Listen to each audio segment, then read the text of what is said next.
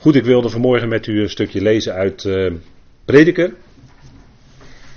Misschien uh, een gedeelte wat u ook zo rond de jaarwisseling leest of wat meer tot u spreekt.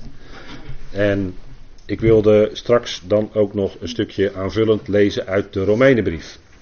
En dan bekijken hoe, we, hoe daar verbindingen in zitten. Dus ik wilde met u lezen Prediker 3, een bekend stukje. De eerste elf versen. En ik lees u voor uit de herziene statenvertaling. Dus als u zelf uit de NBG-bijbel leest, dan kan het hier en daar wat verschillen, maar dan weet u hoe dat komt. Prediker die zegt in Prediker 3, en ik lees u dan voor vanaf vers 1. Voor alles is er een vastgestelde tijd. En een tijd voor elk voornemen onder de hemel. Er is een tijd om geboren te worden en een tijd om te sterven. Een tijd om te planten en een tijd om het geplante uit te trekken. Een tijd om te doden en een tijd om te genezen. Een tijd om af te breken en een tijd om op te bouwen. Een tijd om te huilen en een tijd om te lachen. Een tijd om rouw te bedrijven en een tijd om te huppelen. Een tijd om stenen weg te werpen en een tijd om stenen te verzamelen. Een tijd om te omhelzen en een tijd om zich ver te houden van omhelzen. Een tijd om te zoeken en een tijd om verloren te laten gaan. Een tijd om te bewaren en een tijd om weg te werpen. Een tijd om stuk te scheuren en een tijd om dicht te naaien. Een tijd om te zwijgen en een tijd om te spreken. Een tijd om lief te hebben en een tijd om te haten. Een tijd van oorlog en een tijd van vrede. Welk voordeel heeft hij die werkt van datgene waarvoor hij zwoegt? Ik heb gezien welke bezigheid God de mensenkinderen gegeven heeft om zich daarmee te vermoeien. Hij heeft alles op zijn tijd mooi gemaakt.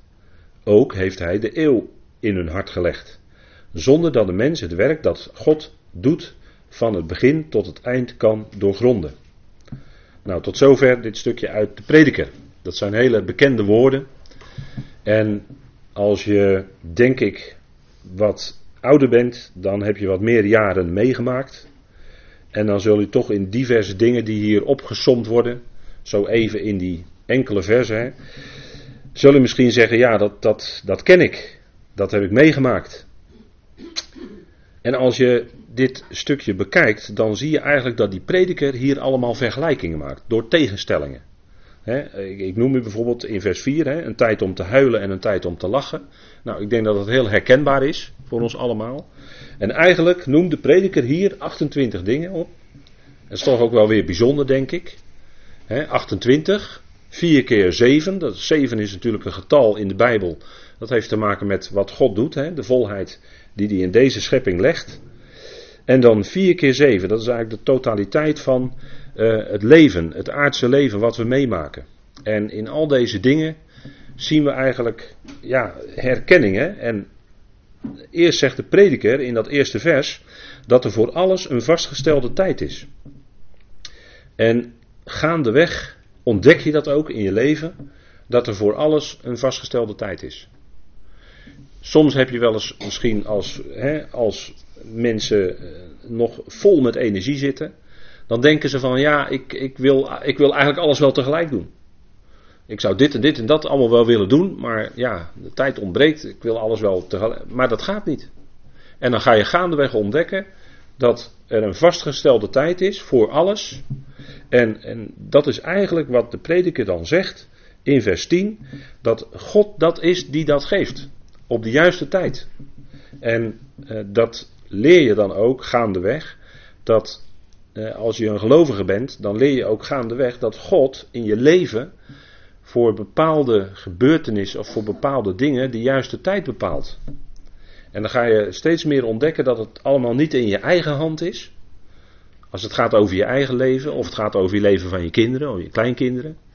Dan is het allemaal niet in je eigen hand. Dan ga je steeds meer ontdekken, ja heer, het ontbreekt mij aan de energie, het ontbreekt mij aan de kracht om de dingen zelf nog te kunnen regelen. Uh, u, u regelt het kennelijk. En dan ga je ontdekken, en als je daar oog voor krijgt, dat, dat God dat allemaal op de juiste tijd geeft. En zo zien we ook dat, dat de prediker dat zegt. Hè? Er is een, voor alles een vastgestelde tijd. En een tijd voor elk voornemen onder de hemel staat in onze vertaling. Eigenlijk staat daar een woord dat heeft te maken met gebeurtenis. Voor elke gebeurtenis is daar een vaste tijd. En kijk, een mens kan zich zoveel voornemen. Hè?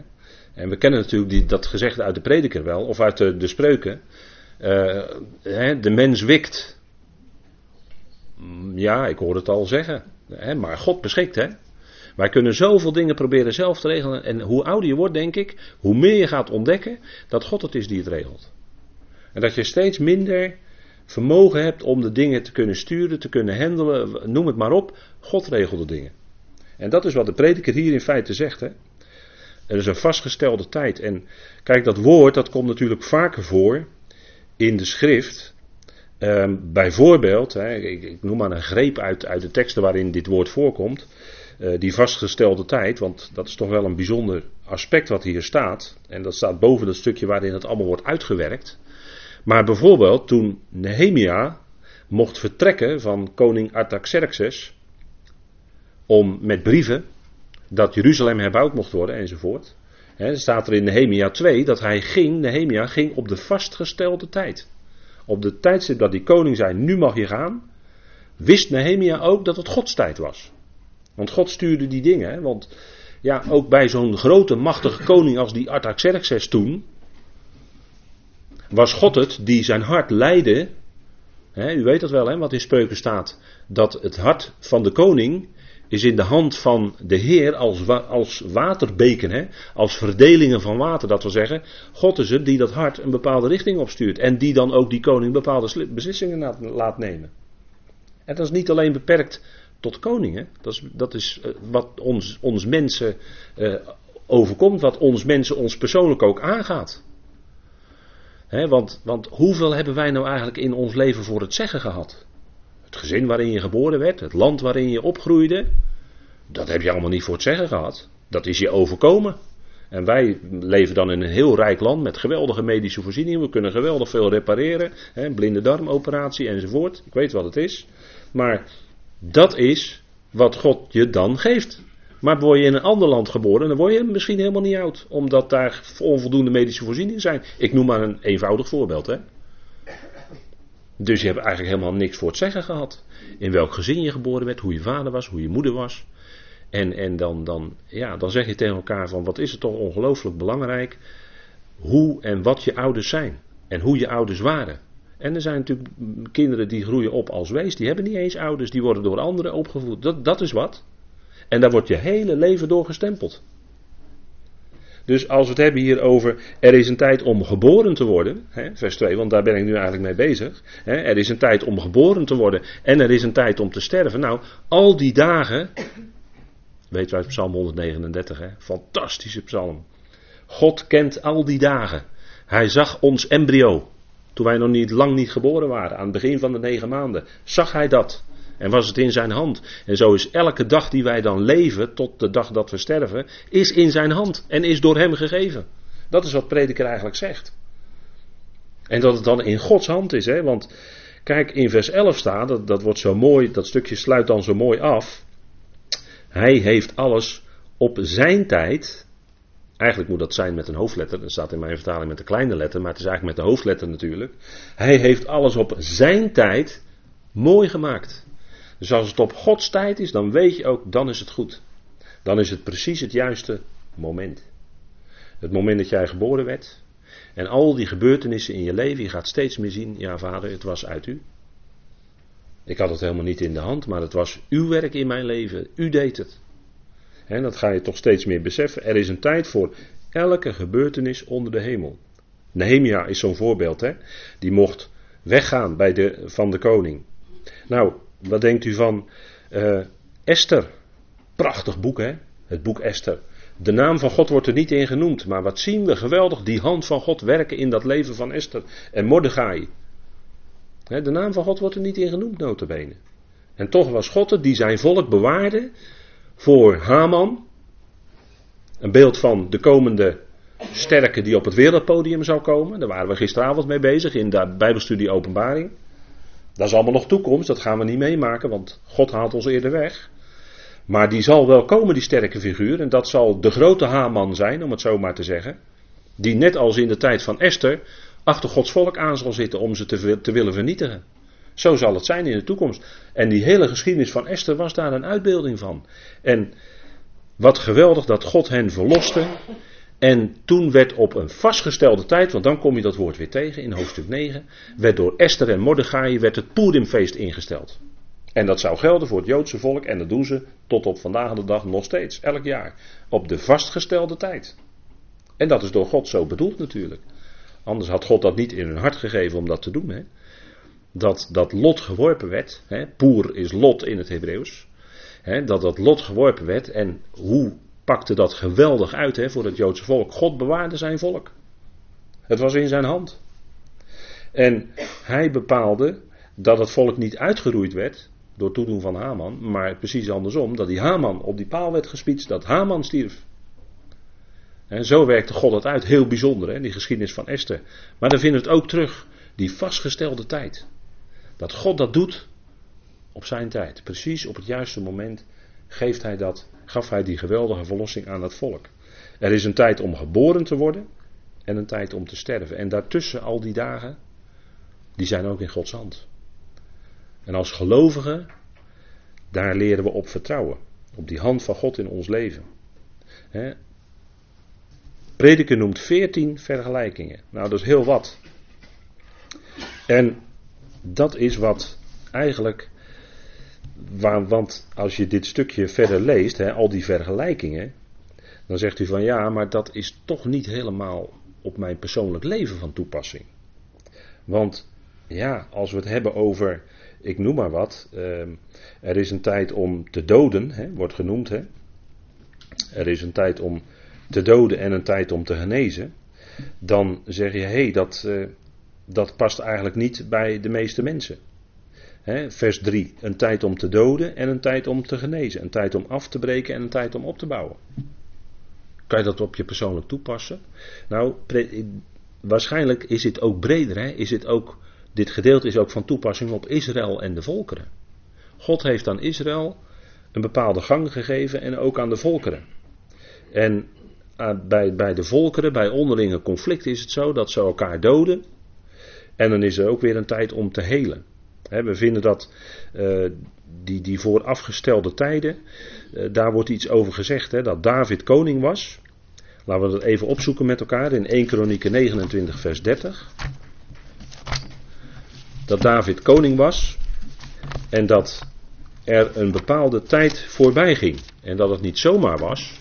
En dan wordt het, dan wordt het groter, dus niet alleen in ons persoonlijk leven, maar dan gaat het ook om Israël en de volkeren rondom. 1 Kronieken 29. Vers 30. Nou, misschien goed om even vers 29 erbij te lezen. Dat is uh, op het moment dat David stierf. 1 Kronieken 29, vers 28. Hij stierf in goede ouderdom, verzadigd van dagen, rijkdom en eer. En zijn zoon Salomo regeerde in zijn plaats.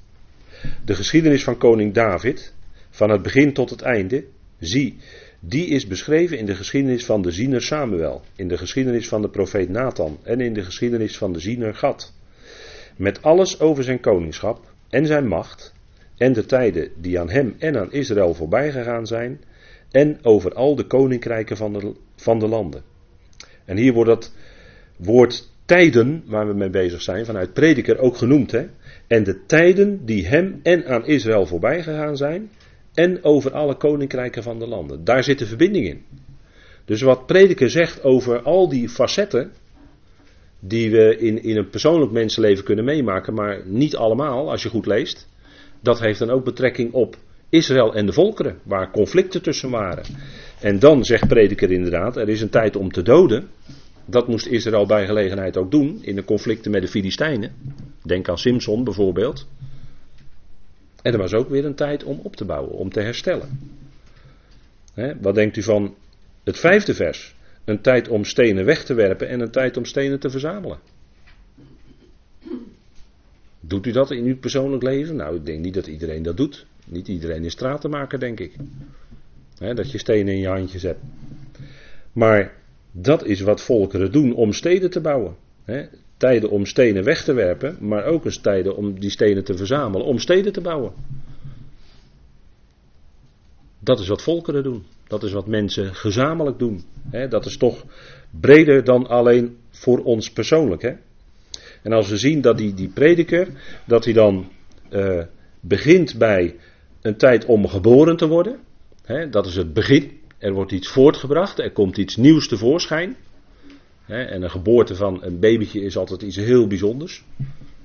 Ik heb dat diverse keren mogen meemaken. Nou, elke keer vond ik het een enorm groot wonder. Daar is dan zo'n compleet mensje, dat heb je dan zo ineens in je handen. En daar heb je dan de verantwoordelijkheid voor. Maar dat is heel bijzonder. Dat is toch een, een vorm van een stukje nieuw geschapen mens, wat, wat dan in je handen ligt. En, en dat is eigenlijk een prachtig beeld, vond ik dat altijd, als dat gebeurde. Vond ik eigenlijk ook een prachtig beeld. Hoe God uit deze oude schepping ook die nieuwe schepping zal doen komen. Want deze oude schepping is natuurlijk niet voor niets. Maar God geeft daarin perspectief. God geeft uitzicht. Dat daar ook een nieuwe schepping zal komen. Met het uitzicht op heerlijkheid. Hè. Het blijft niet alleen bij dit oude wat we hier meemaken. Maar gaat ook die nieuwe schepping geven. En, en voor ons als gelovigen is dat fantastisch, want we mogen weten dat we in Christus al een nieuwe schepping zijn. Dat is onze blijdschap elke dag. Dat, dat we beseffen, geestelijk gezien, dat oude is voorbij gegaan, zie het is alles nieuw geworden. En hij vernieuwt ons innerlijk van dag tot dag. Dat is dat herscheppende werk wat God doet. En, en zo zal hij uit deze oude die voorbij moet gaan. Hè, want deze, het woord zegt het al, hè, oud. Dat wil zeggen dat er ook een nieuwe moet komen. Dat zegt de Bijbel. Nou, die nieuwe schepping die gaat komen. Dat zit eigenlijk al bij elke geboorte. Daarin kun je eigenlijk al zien wat, in, een, in een beeld hoe God die nieuwe schepping ook tevoorschijn gaat brengen. Dat is fantastisch, hè? Alleen al bij de Heer Jezus zou je daar veel over kunnen vertellen. Over die doeken waarin hij ingewikkeld werd toen hij geboren werd. Maar ook toen hij stierf. En toen hij opstond, kwam hij ook uit die doeken. Hè. Dat is in feite hetzelfde. Ten diepste. Hij stond op als dat nieuwe, als de eerste van een nieuwe schepping uit dat graf. Hij kwam uit die doeken waarin hij gewikkeld was. Nou, dat is, uh, dat is eigenlijk een uh, geweldig toekomstperspectief geeft ons dat. Dat omdat hij is opgewekt en levend gemaakt is, zal heel die schepping, zal heel die mensheid, die zal ook levend gemaakt worden. Fantastisch hè? Nou, er is een tijd om geboren te worden en een tijd om te sterven. Maar God zij dank blijft het niet alleen bij dat sterven. Dat moeten wij ondergaan, omdat we allemaal van adem afstemmen, afstammen. Maar God zij dank blijft het niet alleen bij sterven. Maar er komt ook een dag dat God die bazuin zal laten klinken. En dat we allemaal zullen opstaan. Dat is ons uitzicht, dat is onze verwachting. En dan is er in al die dagen die we meemaken, hè, want het begint bij, in vers 2, bij geboren worden. Het begin van alles wat God geeft. En dat is bijzonder. En waar eindigt het mee? Vers 8, een tijd van vrede. Kijk, daar gaat het in Gods schepping naartoe. Die vrede die God nu al tot stand gebracht heeft. Door zijn zoon te geven aan het kruis. Colossense 1, hè, bekende woorden, geweldige woorden. Maar die vrede die God daar tot stand gebracht heeft, die zal straks het deel zijn van heel die schepping. Dat is geweldig, hè? Dus eigenlijk staat hier al in een notendop, zou je kunnen zeggen, heel Gods plan. Geboren worden, God die het geboren doet worden, die het voortgebracht heeft allemaal. Die hele schepping die wij nu kennen, dat is ten diepste toch uit God. En uiteindelijk zal het zijn vrede. En alles wat daartussen zit, ja, dat is die onrust, dat zijn die dingen die we meemaken, dat, dat moeilijke, die pijn, dat lijden, die verdrukking. En dat is niet makkelijk. Helemaal niet. Er zijn veel dagen in ons leven die moeilijk zijn. Waarin het gewoon lastig is. Waarin je moeite hebt om er door te komen. Maar besef wel, we gaan er naartoe die tijd van vrede. En wat is het dan geweldig, hè, dat je nu al die vrede met God mag kennen. Dat is geweldig, dat zijn geweldige woorden. Daar gaan we straks naartoe in de Romeinenbrief. Maar kijk, God, want tijdens ons leven en veel mensen die worstelen daarmee en die geven God dan de schuld van dat het allemaal zo tegenzit in hun leven en allemaal zo moeilijk is en allemaal zo pijnlijk moet. En mensen zijn snel geneigd daar dan God voor de schuld te geven. Hè? Ja, ja, jullie zeggen toch dat God liefde is, maar hoe dit en dit en dat dan? En er worden allerlei akelige dingen opgenoemd. Hoe zit dat dan? Ja, maar dan, dan kijk je toch waarschijnlijk net iets te kort. Dan is je blikveld iets te kort. Dan heb je eigenlijk nodig de bril van de schrift, waardoor je weer wat verder kan kijken. Want in al die gebeurtenissen, en daar geeft dit stukje eigenlijk ook al ten diepste antwoord op. Waarvoor is dat? Waarvoor is dat? Dat ons die akelige dingen overkomen. Nou, we vinden al een stukje van het antwoord hier in het stuk van Prediker. In vers 10. Want daar zegt de prediker, en die had goed gekeken naar al die gebeurtenissen en die had goed erover nagedacht, hè, koning Salomo, die had er goed over nagedacht. Die had al die dingen gezien en ja, hij riep ook uit als mens, hè, uh, het is allemaal leeg, het is allemaal ijdel, het is allemaal niets, het leidt tot niets, het is allemaal zinloos. Ja, dat is als mens, oppervlakkig gezien, hè, als mens kom je niet verder misschien dan dat. Maar wat zegt de prediker dan? Ik heb gezien de ervaring die God aan de zonen van Adam, er staat mensenkinderen in de vertaling, maar eigenlijk staat er aan de zonen van Adam gegeven heeft. Nou, dat zijn we allemaal. We zijn allemaal nakomelingen van Adam. Dus het is voor ons denk ik ook heel herkenbaar, hè, dit stukje. Ik heb gezien de ervaring die God aan de zonen van Adam geeft, om daarmee verootmoedigd te worden, staat er eigenlijk in de grondtekst. Om daarmee of daardoor verootmoedigd te worden dat bewaart je als mens, die tegenslagen, die moeilijke dingen, bewaart je als mens dat je niet hoogmoedig wordt. En dat je denkt van nou, ik kan het, ik, uh, kan het zelf allemaal wel regelen. Ik boks het allemaal zelf wel even voor elkaar. Want juist door tegenslagen heen ga je ontdekken dat je het helemaal niet kan. En daardoor is, en dat heb je dan niet door, maar achteraf pas, en als je gelovige bent kan je het, kan je het teruglezen in de schrift. Maar achteraf pas als gelovige ga je ontdekken, ja, maar daar was vader bezig in mijn leven om mij te verootmoedigen. En achteraf zeg ik, het was goed vader dat u het zo gedaan heeft. Maar dat is geloof. Dat is wat God je geeft als je dat gaat erkennen. Het was goed dat u het zo gedaan heeft. Want daardoor ben ik niet. Stel je voor dat alles wat, je, wat jij nou doet in je leven, wat je onderneemt, dat het allemaal glansrijk lukt, dat je totaal succes hebt in, in alle opzichten. Zou je toch een vreselijk hoogmoedig mens, eigenlijk onuitstaanbaar mens van worden. Want al die anderen lukt dat niet, wat jou wel lukt. En dan, is een, dan zit de mens zo in elkaar dat hij daar hoogmoedig van wordt. En daarom geeft God al die aspecten die dan in die eerste acht versen genoemd worden.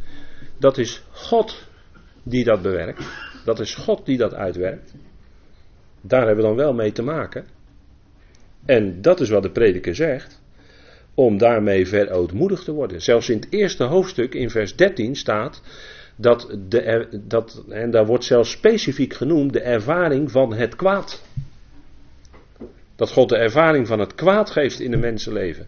Om die mens daarmee te verootmoedigen. Staat in Prediker 1, vers 13. Dat is nog sterker. Dat is wat. Dat is wat.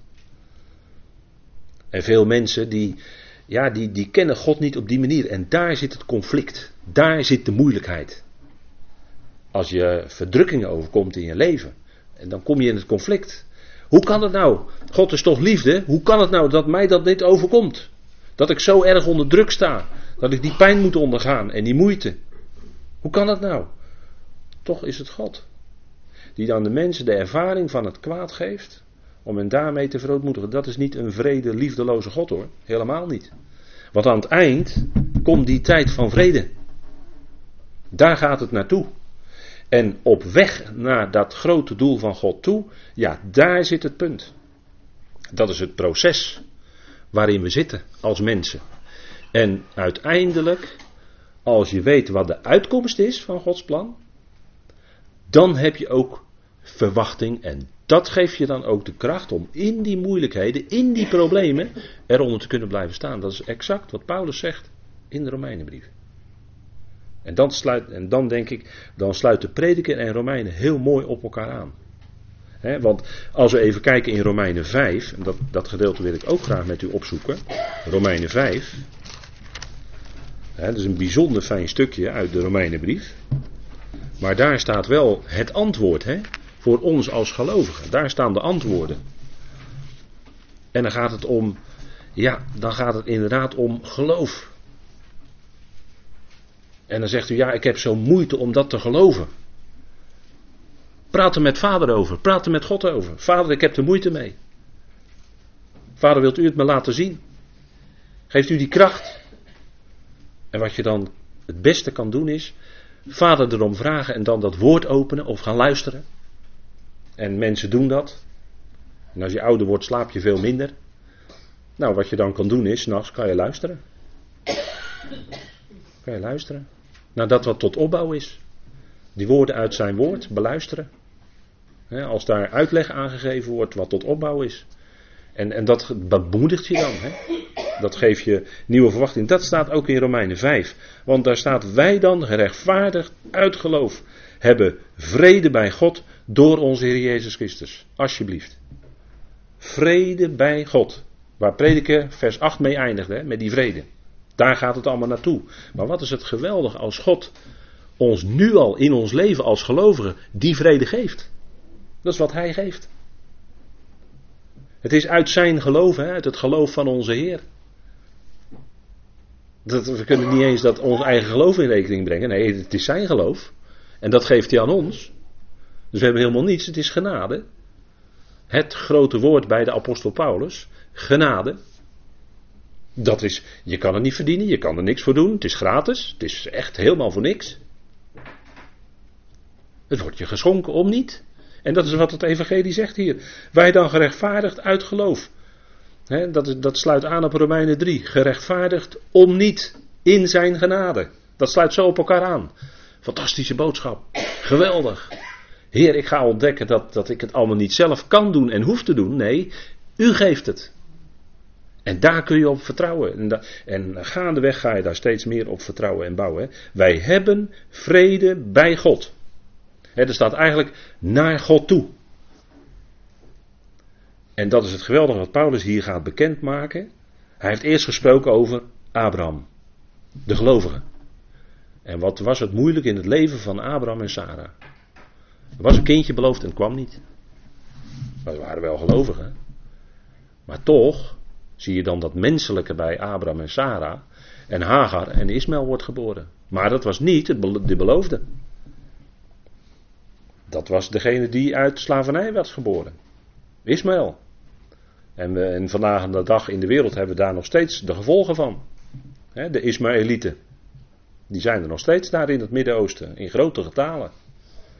Conflict met het volk.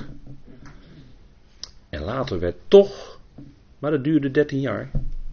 Het duurde nog 13 jaar nadat Hagar geboren was. Het duurde nog 13 jaar en toen kwam Isaac. En ja, toen ze dat een jaar van tevoren werd aangezegd, toen moesten wel, zowel Abraham als Sarah lachen. En denkt u, ja, dat was omdat ze het niet konden geloven. Ik geef u in overweging mee, vanmorgen dan, dat het misschien wel eens het lachen van het geloof kan zijn. Dat ze allebei lachten uit geloof dat ze die belofte van God opnieuw naar zich toe kregen. En het waren allebei gelovige mensen, zegt de Hebreeënbrief. En hier ook Paulus in Romeinen 4. Het waren allebei gelovige mensen. En er zou toch Jitschak, hij die doet lachen, zou toch geboren worden. En, en daar hadden ze dan 13 jaar op moeten wachten. Maar ik denk dat dat het wachten wel waard was toen hij er eenmaal was. En dan ben je oud geworden hoor. Abraham die was 100 en uh, Sarah was 90 eh, geloof ik. Sarah is trouwens de enige vrouw in de Bijbel waar de leeftijd van vermeld staat. Hè? Wist u dat? Hoe oud is Sarah geworden? Ik hoor allemaal getallen, maar ik hoor het toch niet. De enige vrouw voor wie het vermeld wordt. 127 is ze geworden. Dat is wel een behoorlijke leeftijd, hè? Want als je, de psalm zegt natuurlijk, als je 70 wordt, dan ben je sterk. En als je 80 wordt, dan ben je zeer sterk. En er zitten er hier die zijn daar al aan voorbij, dus die zijn supersterk. Maar 127, dan ben je helemaal. Hè, dan ben je helemaal een end op streek. En Sarah stierf en toen was Isaac enorm verdrietig. Maar dat was wel de zoon van de belofte. Die zowel Abraham als Sarah aan het lachen had gemaakt. Die belofte werd herhaald en God vervulde toch zijn belofte. Na de mens kon het niet meer. Menselijke vermogens waren uitgeput, ze waren oud. Er staat toch, het ging Sarah niet meer naar de wijze van de vrouwen. Nou, dan weten we toch wel allemaal wat er bedoeld wordt. Nou, en nochtans gaf God in die situatie leven uit de doden, want dat was het eigenlijk, hè. Dat is wat Paulus hier allemaal zegt in Romeinen 4. Maar Dat was het geloof wat God in Abraham en Sarah werkte. En dat uh, maakte ze zelfs aan het lachen. Dit is wat. En dan nog een zoon krijgen. En bovendien kreeg Abraham daarna nog, nog heel wat kinderen hè, bij Ketura. Dat, dat, lezen we misschien niet zo vaak, maar in Genesis gaat het verhaal gewoon nog verder. En dan verwekt hij ja, een stuk of zes, zeven kinderen nog bij Ketura. Dus uiteindelijk, in zijn ouderdom, kon God dat toch nog regelen kennelijk. Maar dat was dan ook voorbij alle menselijke verwachtingen. Voorbij onze verwachtingen. En dat is, dat is, als u terugkijkt op uw leven, zou u dat misschien ook wel eens die situaties gehad hebben. Dat je dacht dat het niet meer kon en toen ging God het doen. Of dat je dacht van ja, ja nou ben ik doodmoe. Ik doe er helemaal niks meer aan. En dat was het moment dat God ging werken. Misschien in het leven van die ander of in het leven van je kind of wat dan ook. Dat zou zomaar kunnen. maar dan ben je voorbij je eigen vermogens. En dat is precies het moment waarop God zegt: Nu ga ik het doen. Want Abraham moest zich toch besnijden, Genesis 17. Afsnijding van het vlees, afsnijding van die, dat is eigenlijk een beeld van de afsnijding van de eigen menselijke vermogens. Een beeld van de totale afsnijding van het menselijke vlees, van de eigen vermogens van de mens. En dan gaat God werken. Want het zal niet de mens zelf zijn die iets tot stand brengt. Nee, het zal uiteindelijk God zijn die alle eer krijgt. Die alles uitwerkt. Ja, dat is een, iets dat we als gelovigen gaandeweg leren. En dat is ook wat Paulus hier allemaal zegt. Door hem hebben wij ook de toegang verkregen door het geloof tot in deze genade waarin we staan. En we roemen in de verwachting. Er staat hoop, hè, maar het is eigenlijk die hele erge zekere hoop, hè, die verwachting. Het is zeker dat het gaat komen. Het is zeker dat God zijn belofte gaat vervullen. De verwachting van de heerlijkheid van God. Dat is wat, wat hier ons voor ogen staat. Hè. Wij staan in de genade. En, en Paulus gaat spreken hier over verzoening. Dat is een stap verder nog dan. Het is al fantastisch dat God ons rechtvaardig verklaart. Dan zegt u, ja, dat ben ik helemaal niet. Nee, maar God zegt dat het zo is. Hij verklaart u en mij rechtvaardig. Hoe? Door onze verdiensten? Nee, door het geloof van Christus. Op grond daarvan verklaart hij ons rechtvaardig. En zegt u, ja, maar ik ben me heel goed bewust dat ik een zondaar ben, dat ik een doelmisser ben. En het gaat nog regelmatig mis, al was het alleen maar in mijn gedachten. En toch verklaart God u rechtvaardig. Hij ziet u en mij aan in Christus. En weet u wat dat is? Dat is alsof wij nooit iets verkeerd hadden gedaan. Dat is zoals God naar ons kijkt in Christus. Hè? Zo ziet hij ons als gelovigen. Dat is fantastisch. En waar Paulus nu over gaat spreken is verzoening. Deze genade waarin wij staan is de verzoening. En dat was nieuw. Dat was nog geheim. Dat was nog niet bekendgemaakt in Tenach, in het Oude Testament. Maar dat is iets nieuws. Het geheimenis van het evangelie en dat mocht Paulus bekendmaken. Verzoening. Dat we zeggen, God was in Christus de wereld met zich verzoenend. Er is helemaal niets tussen God en u en jou en mij. Maar we hebben vrije toegang tot Vader. En hoe dan ook, we kunnen altijd bij hem binnenlopen. Hoe dan ook. Wat er ook gebeurd is, wat er ook aan de hand is, we kunnen altijd bij Vader binnenlopen. Dat is verzoening. Want we waren niet alleen zondaren, doelmissers. Maar we waren ook vijanden van God. Hè? We waren ook vijanden van God. En God verzoent vijanden met zichzelf. Zo is God. Die, die gaat net zo lang door totdat die laatste vijand ook is weggewerkt. Hè? Zo lang gaat God door totdat, totdat bereikt is. Die laatste vijand, dat is de dood. Die wordt op een gegeven moment ook weggedaan. Dat is feitelijk de tweede dood. Maar die wordt ook weggedaan. En dan is die laatste vijand ook weg. En dan is het vrede in de hele schepping. Dat is wat prediker in feite aangeeft. Uiteindelijk komt hij uit bij de vrede, de prediker. Zonder dat hij wist van het evangelie van Paulus, want dat wist de prediker niet. Maar kwam hij er wel bij uit. En dat blijkt, daaruit blijkt dat hij ook door God geïnspireerd was om het zo op te schrijven. maar daar gaat het naartoe. Hè. Wij staan in die geweldige heerlijkheid van de, van de verzoening. Deze genade is de verzoening waarin we staan. En die verzoening is niet alleen naar God toe, maar die werkt zich ook uit naar de ander toe. Hè? Want het is niet alleen naar God toe, maar het is ook wederzijds naar die ander toe. Die we ontmoeten in het lichaam van Christus. Onze medebroeders en zusters. En er kan zomaar wel eens wat tussenkomen, toch?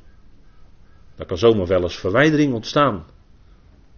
En zelfs misschien helaas wel eens vervreemding tussen broeders en zussen, dat kan. Maar we kennen toch die boodschap van verzoening.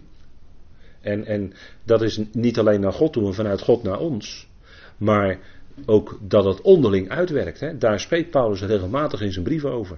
Want die maakte ook gelovigen mee en die maakte ook de situaties mee die wij ook meemaken. We waren toen ook mensen en wij zijn ook mensen en dat gebeurt dan. maar verzoening, dat is die genade waarin we mogen staan. En wat doen we dan? Wij roemen. Wij kunnen al roemen. En dat doen we eigenlijk dan al een beetje op voorhand. Want ja, u kent dat, uh, dat gevleugelde gezegde misschien wel. Van uh, ja, je moet niet, uh, beroem je niet op de dag voordat hij voorbij is. Zoiets hè. Zo'n zo'n uitspraak is er. Hè? Wacht nou eerst maar eens tot, tot die hele dag voorbij is. En ga dan nog eens terugkijken. En dan eventueel roemen ja of nee. Maar wij kunnen al op voorhand roemen. Waarom? Omdat we die God mogen kennen. Die ons heerlijkheid in het vooruitzicht heeft gesteld. En nu al iets door geloof van die heerlijkheid in ons hart heeft gegeven. Maar die heerlijkheid in vooruitzicht heeft gesteld. Wij roemen in de verwachting van de heerlijkheid van God. Dat gaat komen. Waar ik het net met u over had. Die nieuwe schepping. Die nieuwe ordening die God gaat geven. Een totale nieuwe schepping. Dat is die heerlijkheid die, waar de hele schepping eigenlijk op zit te wachten. Waar Romeinen 8 nog verder uitgebreider op ingaat.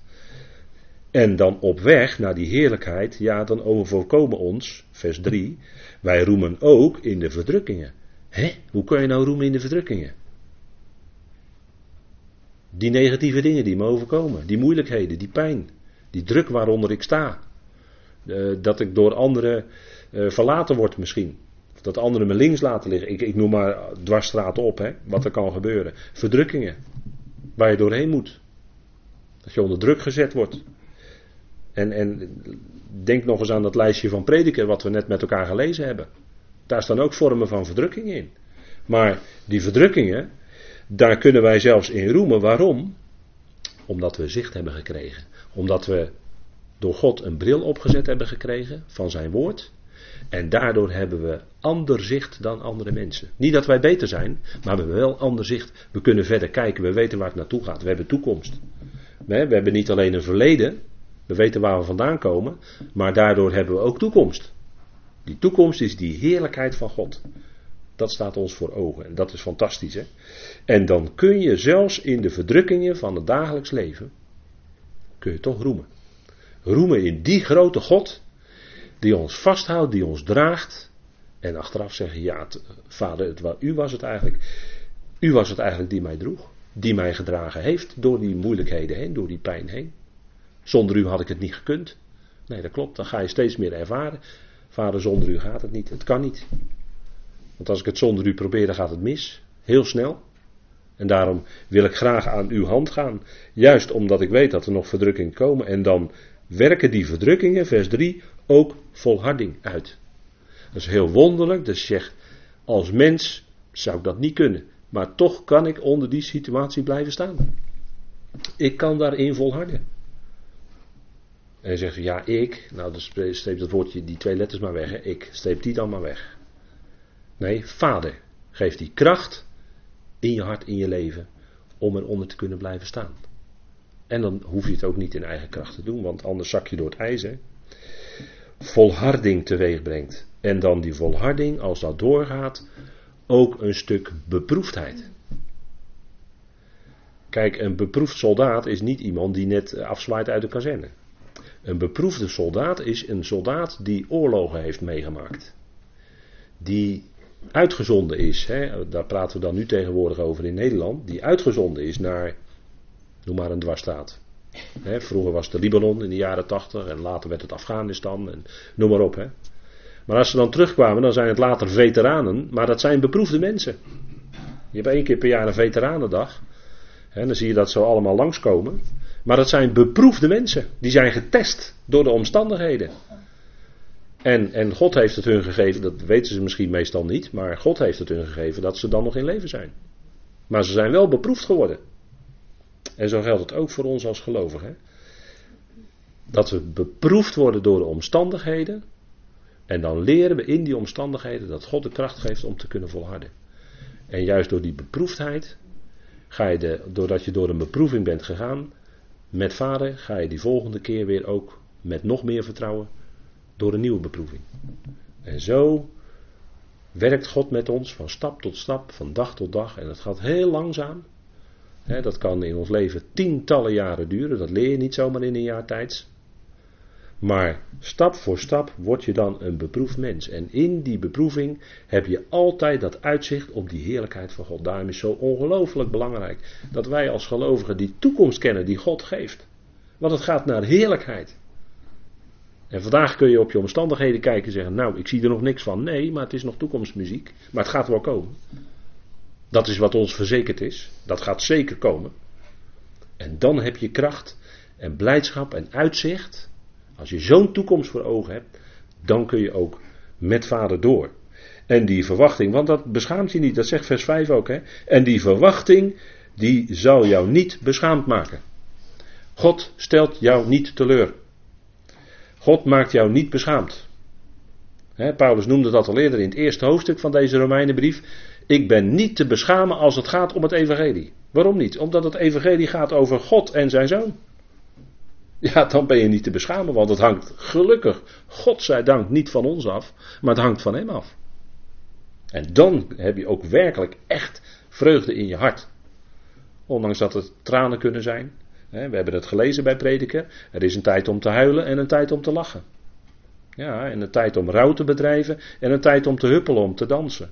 Dat kennen we allemaal in ons leven. Die verschillende tijden. Maar dwars door dat alles heen werkt God ook in ons leven toe naar die heerlijkheid die Hij gaat geven. Ja, dat is geweldig, hè? Dat geeft uitzicht. En die verwachting, die stelt ons niet te schande. Hè? Die maakt ons niet te schande. Waarom? Omdat de liefde van God in ons hart is uitgestort door de Heilige Geest. Dat geldt voor elke geloof. Dat geldt voor u, geldt voor mij. Die liefde van God.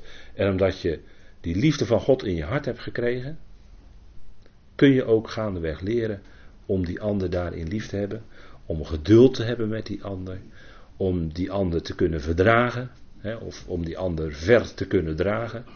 Hè, geduld te hebben met die ander die God in ons leven naast ons zet. die anderen, die medebroeders en zusters, daarmee geduld te hebben. Omdat die liefde van God in ons hart is uitgestort en we hebben die geweldige verwachting.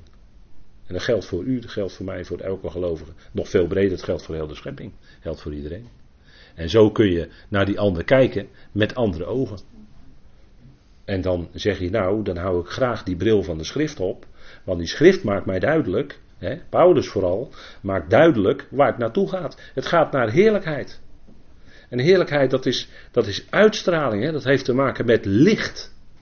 Dat is wat Paulus omstraalde op weg naar Damascus. In zijn leven was het zo donker. En dat, dat is ook wat de prediker zegt. God heeft de, de, ja, dat is altijd zo'n moeilijke tekst. Hè. God heeft de eeuw in hun hart gelegd. Of de eeuwigheid in hun hart gelegd. Wat betekent dat nou? En daar hebben de kerken zich zo lang over gebogen wat dat nou toch betekent. En men gaf er die draai aan en die draai.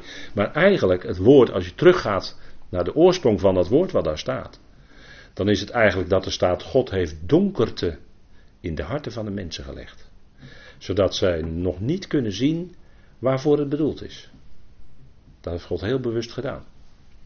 Maar aan ons, en dat maakt nou het grote verschil uit, aan ons heeft hij in ons hart dat licht gegeven van het evangelie van de heerlijkheid van Christus. Hij heeft het licht in ons hart aangedaan, waardoor die donkerheid verdwenen is. Waardoor we zicht kregen op zijn plan. En zeker van dat woord wordt ook het woord Aion, wat we goed kennen, hè? Olam, dat tijdperk. Eon, hè? is daarvan afgeleid, wat daar staat in het Hebreeuws. Maar eigenlijk ten diepste staat er dat God donkerte in de hart van de mensen heeft gelegd. En, in, en hij zal dat uiteindelijk bij iedereen doen, maar in ons hart heeft hij al gezegd: Ik doe het licht bij je aan. En dat is die liefde van God door de Heilige Geest in ons hart. En wat hebben we dan een geweldig zicht op grond van die schrift. En als we dan zo prediker en Romeinen zo naast elkaar leggen en een beetje in elkaar proberen te schuiven, dan zien we, kijk, door al die verdrukkingen heen, ja, maar die verwachting blijft. En die wordt eigenlijk alleen maar sterker. Ik hoop dat het ook uw ervaring is. Gaandeweg in de jaren wordt die verwachting alleen maar sterker. Je gaat er steeds sterker naar verlangen. En het wordt steeds sterkere kracht in je leven. Dat is bijzonder, denk ik. Hè? Dat is het werk wat God doet. Nou, dat is ons allemaal gegeven. We zijn enorm rijk wat dat betreft. Hè? Nou, dat uitzicht, die rijkdom, die heerlijkheid, dat zicht daarop. Nou, dat wens ik u verder van deze dag en alle dagen die nog komen, wens ik u dat van harte toe. Goed, zullen we de Heer danken. Vader, we danken u dat we licht, uitzicht, genade en vrede ontvangen. Door die geweldige woorden die we mogen naspreken, die we mogen spellen. Die zo'n kracht en uitzicht in ons leven betekenen, Vader. We danken u daarvoor. We danken u dat het niet blijft bij lijden en verdrukkingen nu. Maar u bewerkt daardoor alles overstralende heerlijkheid. U bent er die het uitwerkt. Vader, dank u wel. Dank u wel dat we volledig op u kunnen en mogen vertrouwen. En elke dag toch weer moed hebben en vertrouwen hebben om de dag in te gaan, omdat we beseffen dat u er bent en dat u ons draagt, dat u ons kracht en genade geeft. Ook voor de dag, de uren die komen. Vader, dank u wel dat we in dankbaarheid mogen kijken naar u, wetend wat u gedaan heeft en bovenal wat u nog gaat doen. Vader, u zult onze verwachting niet beschaamd maken. Maar wat u gaat geven, Vader, dat is zo geweldig. Dat zal al onze verwachtingen ver overtreffen. Vader, dank u wel. Dat we in al die gebeurtenissen van ons leven dat mogen beseffen. Vader, wat u doet daardoorheen, wat u uitwerkt, is heerlijkheid. Vader, daar dank u voor. Dank u dat u ons zo genadig verder van deze dag nabij wil zijn. En ons die blijdschap wil geven in en met elkaar. We danken u daarvoor voor dit moment. In de naam van uw geliefde Zoon, onze Heer Christus Jezus. Amen.